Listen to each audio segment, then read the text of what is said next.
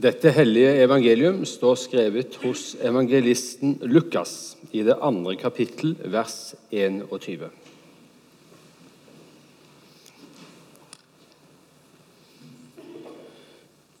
Da åtte dager var gått og han skulle omskjæres, fikk han navnet Jesus, det som engelen hadde gitt han før han ble unnfanget i mors liv.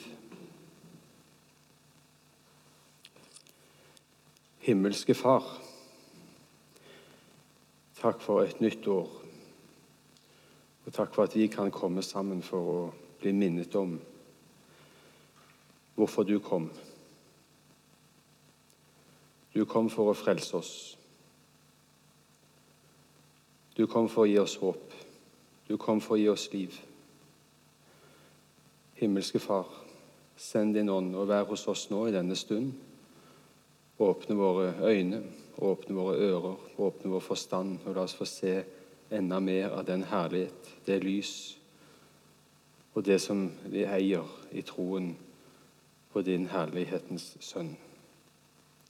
Velsign hver enkelt her nå. Velsign denne stund, og hjelp meg med å legge fram ditt ord. Og må det være dine ord jeg legger fram i Jesu navn. Amen. Vi leste om Jesus som ble omskåret og fikk sitt navn.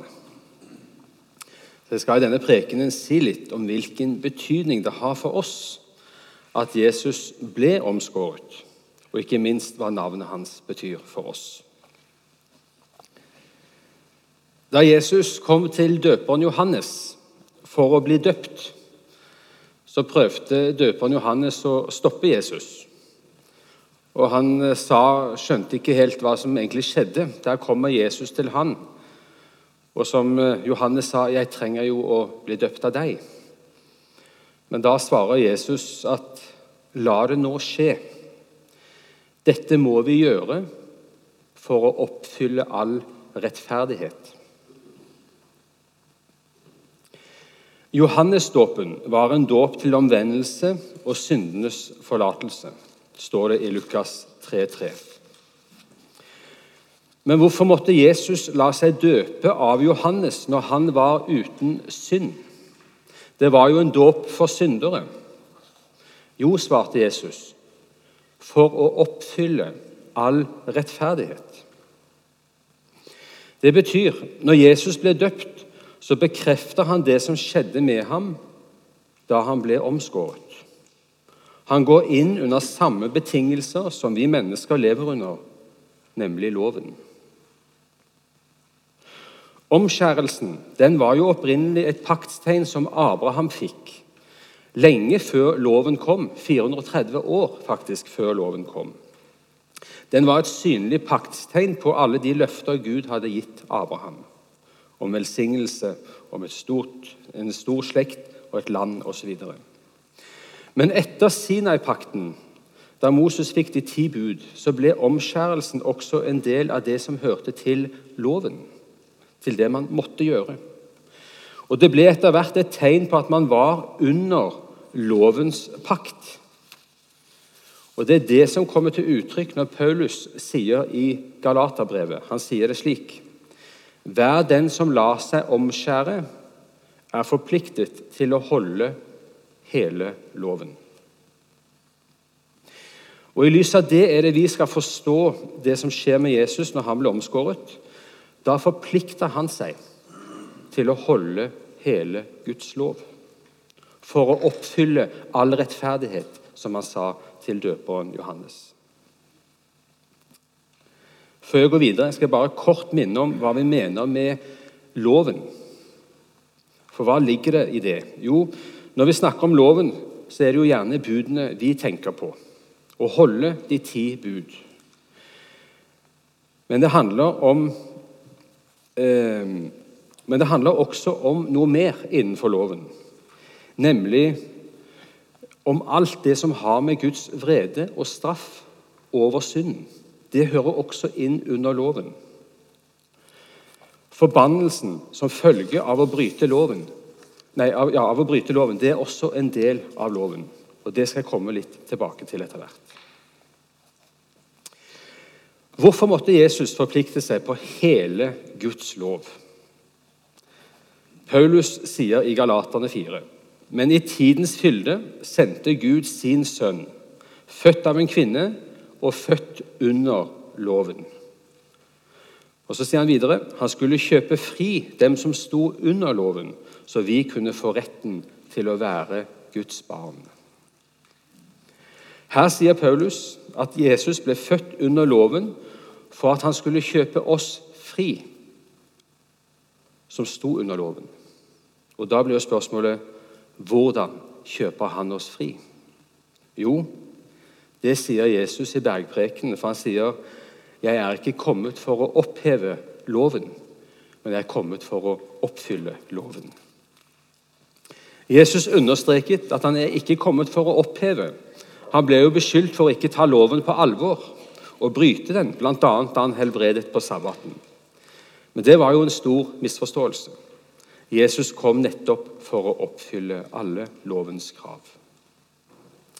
Og Denne oppfyllelsen av loven den har to sider ved seg. Man sondrer mellom hans aktive lydighet og hans passive lydighet. Den aktive lydighet, oppfyllelse, er alt det han gjør når han holder budene. Den passive lydigheten, det er lidelsen når han blir overgitt i menneskers hender og lider og dør og blir forbannet og bærer straffen for vår skyld. Jeg skal først si litt om den aktive lydighet. Når vi leser Bergprekenen, så er jo det en utleggelse av loven, og hva den innebærer, og hva den krever av oss. Og For den som har lest Bergprekenen, så vet jo enhver at det Jesus beskriver der, det er en fullkommenhet som vi alle er ute av stand til å holde og leve opp til. Men nettopp denne fullkommenheten har Jesus. Han var uten svik, hadde ingen falske baktanker med det han gjorde. Han elsket sine fiender. Han hadde ingen urene begjær. Han syndet ikke, verken i handling eller i tanker. Han elsket sin far av hele sitt hjerte. Det var ikke et øyeblikk han ikke elsket og æret ham. Til og med i det øyeblikket i Getsemane, da han ba sin far om å få slippe å gå den tunge veien, så elsket og æret han sin far. Det var aldri en anklage eller noen misnøye hos Jesus. Han var tålsom og bar det ydmykt. Og Det var det vi også hørte i stad, når vi ble lest fra Filippa-brevet, hvor Paulus sier følgende Han ga avkall på sitt eget, tok på seg en tjeners skikkelse og ble mennesker lik. Da han sto frem som menneske, fornedret han seg selv og ble lydig til døden, ja, døden på korset. Det er det sinnelaget loven krever av oss. En total oppofrelse for vår neste og kjærlighet og lydighet til Gud. Og Dette har vi jo lært, og vi har jo erfart, at vi er jo ikke i stand til det.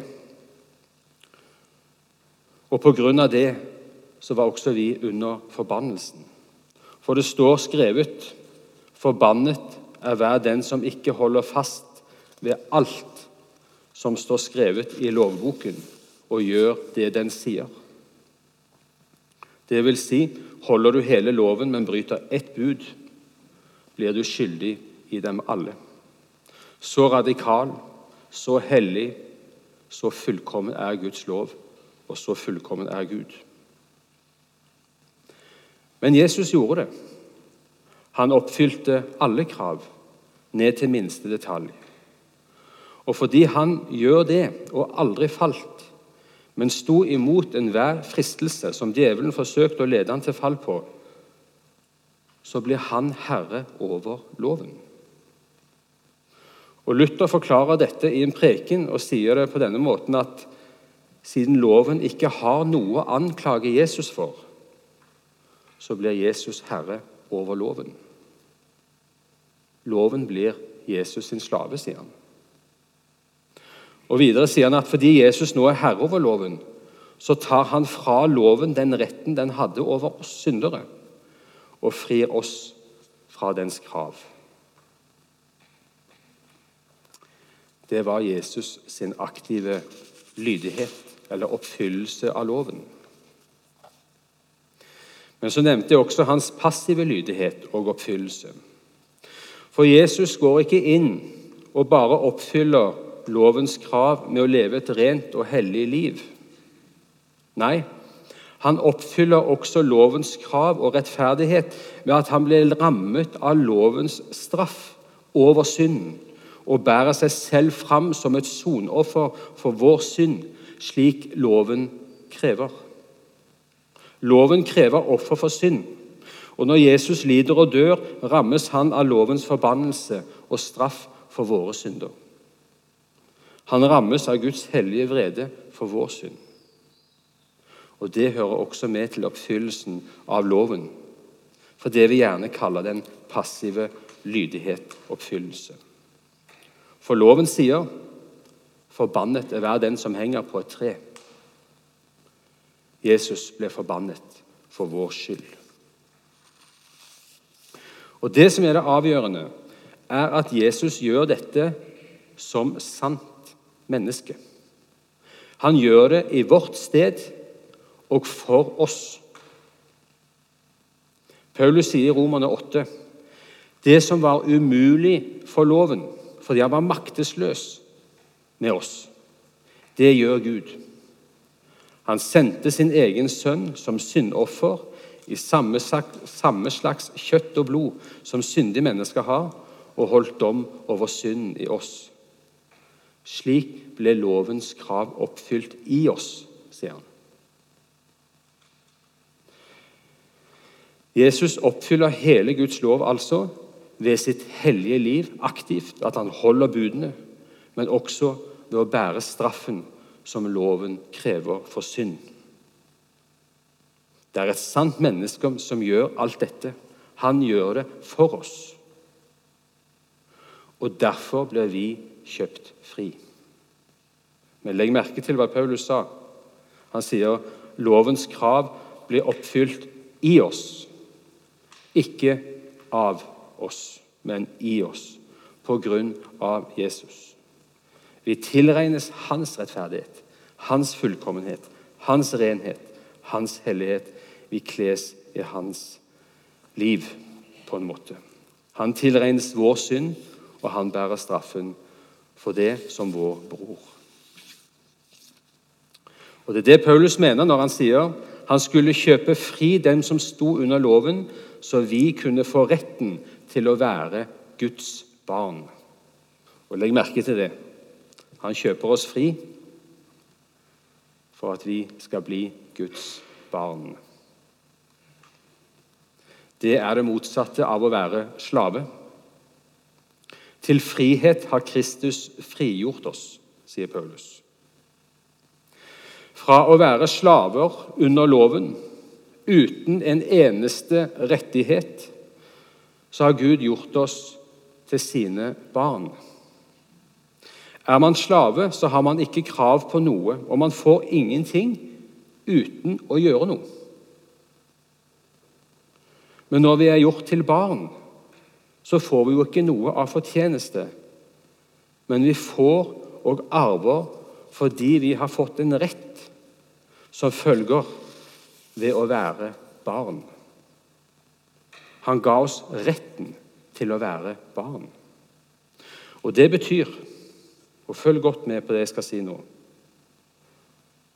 Nå er det Gud som har forpliktet seg til å ta seg av oss siden han har gjort oss til sine barn. Barna er foreldrenes ansvar, på samme måte med oss. Vi er blitt Guds barn, og vi er blitt hans ansvar. Og Derfor sier også Jesus, 'Uten meg kan dere ikke gjøre noe.' Vi er helt avhengig av ham. Dessverre har vi lett for å tenke motsatt. Vi glemmer så altfor lett at vi er barn. Og vi tenker at vi skal gjøre oss fortjent til noe for Gud. Men det er ingenting å fortjene. For all fortjeneste tilhører Jesus. Jesus gjorde alt fullkomment. Han, opp, han oppfylte alt i loven. Det er ikke noe igjen av lovens krav til oss å oppfylle. Jesus lot ikke, lot ikke stå igjen noe til oss. Nå gjør jeg dette, og så tar dere siste bit. Nei, han gjorde alt. Og ved at han har oppfylt alt, så kjøpte han oss fri og gjorde oss til sine barn.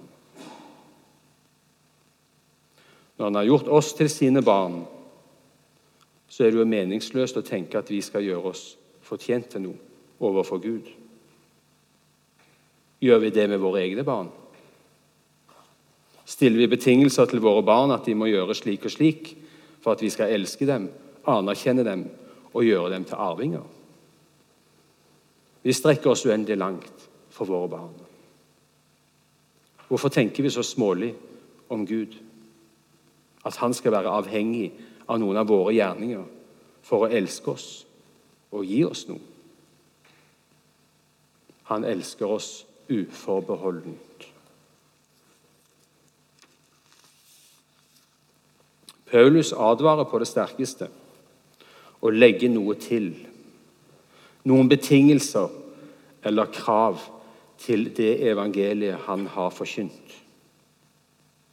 Han er meget påpasselig på det, at det er av nåden alene som frelser oss.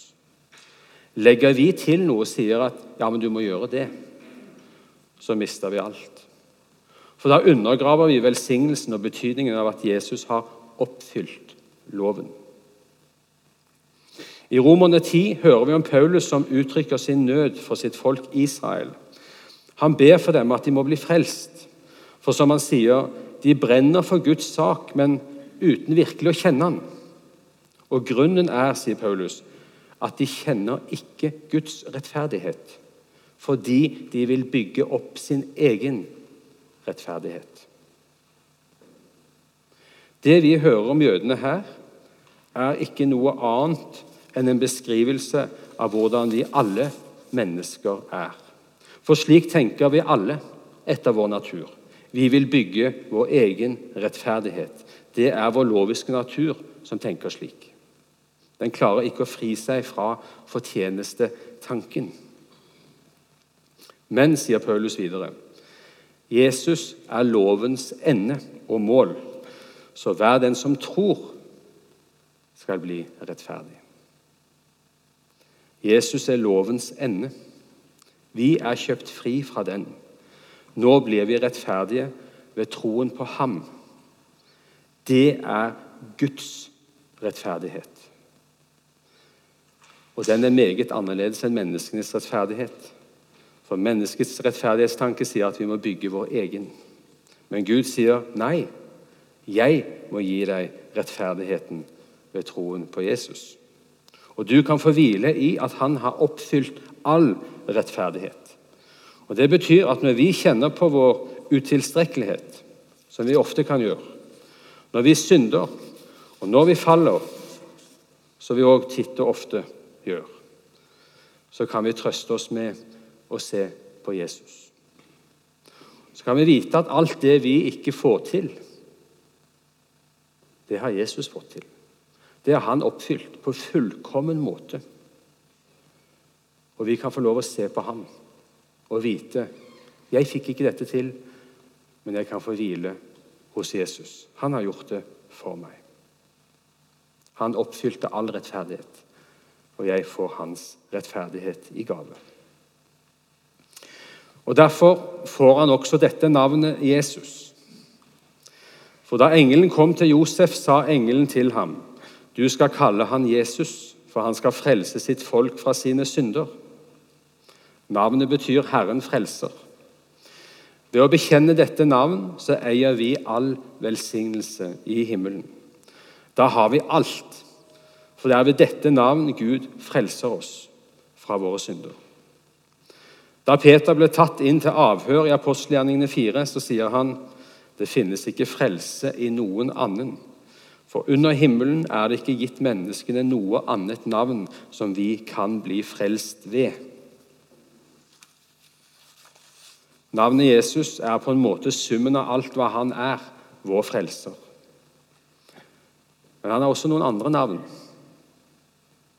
Han kalles også for underfull rådgiver.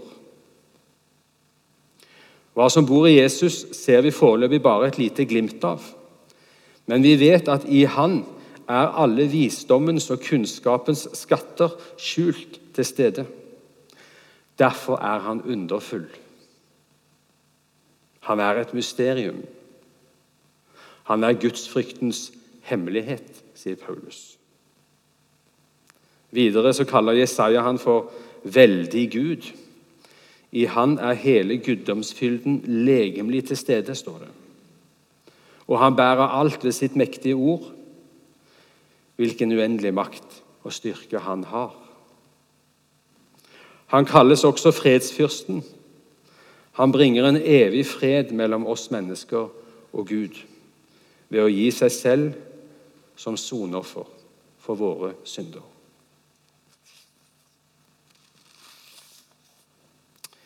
Det var en kort og liten tekst vi har gått gjennom i dag. Men som vi skjønner, det er jo en tekst med en ufattelig stor betydning for oss. Han ble omskåret for vår skyld, for å oppfylle all rettferdighet.